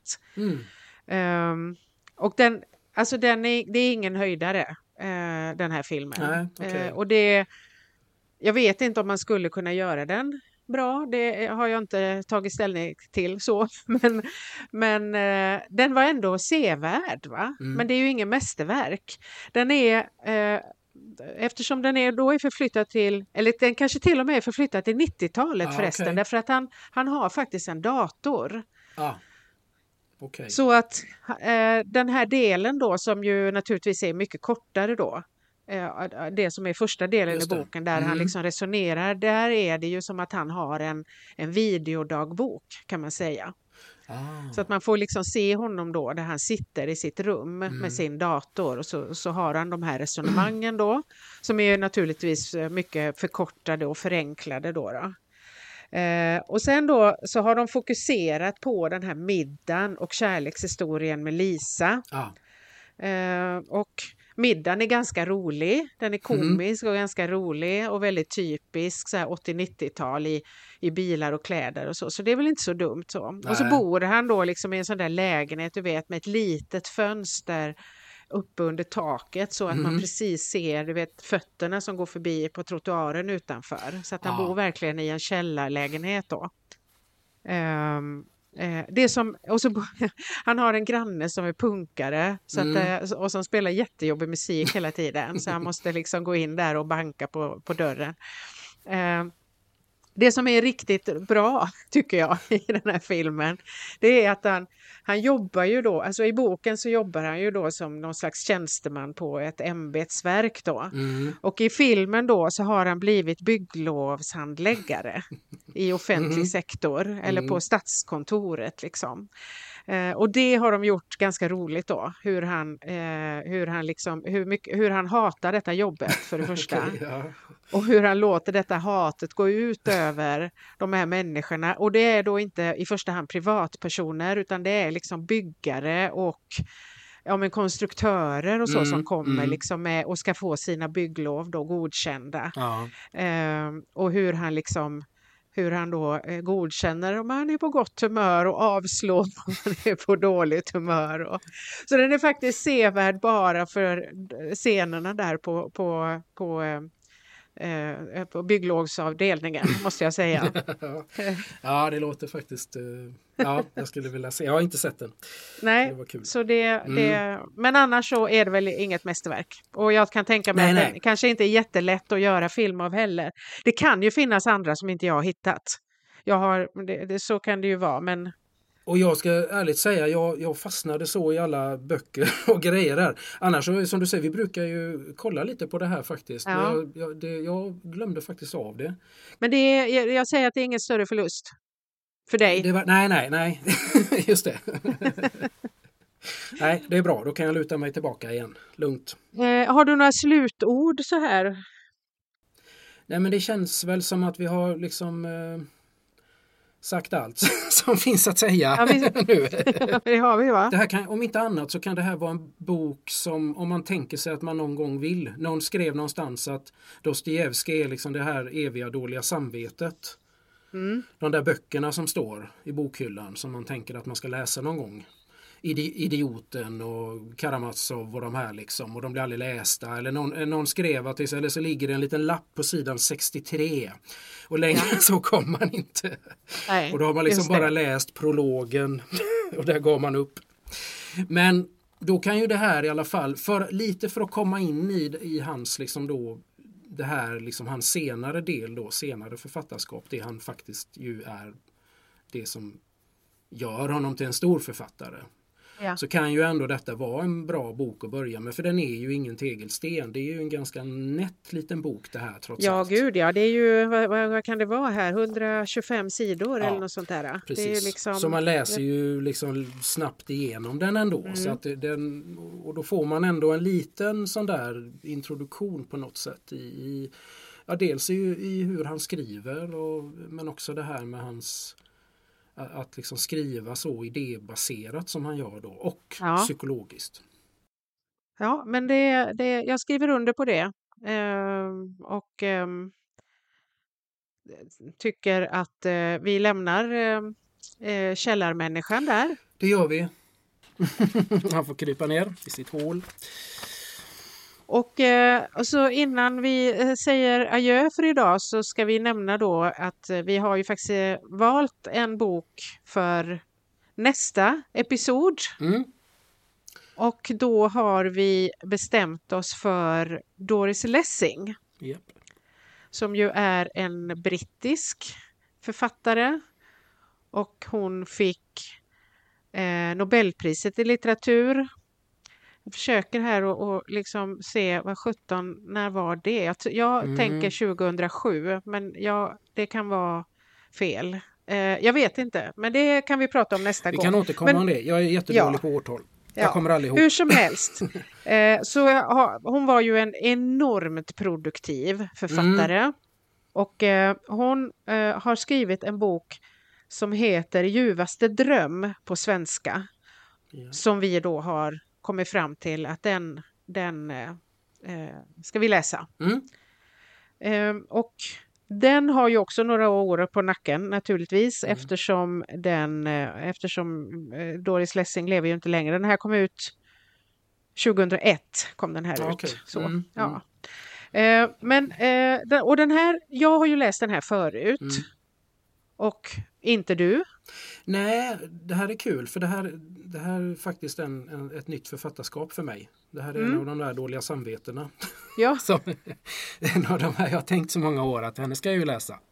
Har aldrig blivit av men nu ska jag göra det. Så jag har, jag har inte läst den här boken och jag har inte läst något överhuvudtaget av Doris Lessing. Vilket är väldigt spännande tycker jag. ja men eh, vi lämnar Dostojevskij och eh, kastar oss in i 1900-talet. Ja, precis. Nytt århundrade. Vänder blad. Vi vänder blad. det blir toppen. Nej men då, Ja. då, då säger vi adjö Ja, helt vi enkelt. säger hej då Och för idag. tack för idag. Ha det bra till nästa gång. Hej då! Hej då.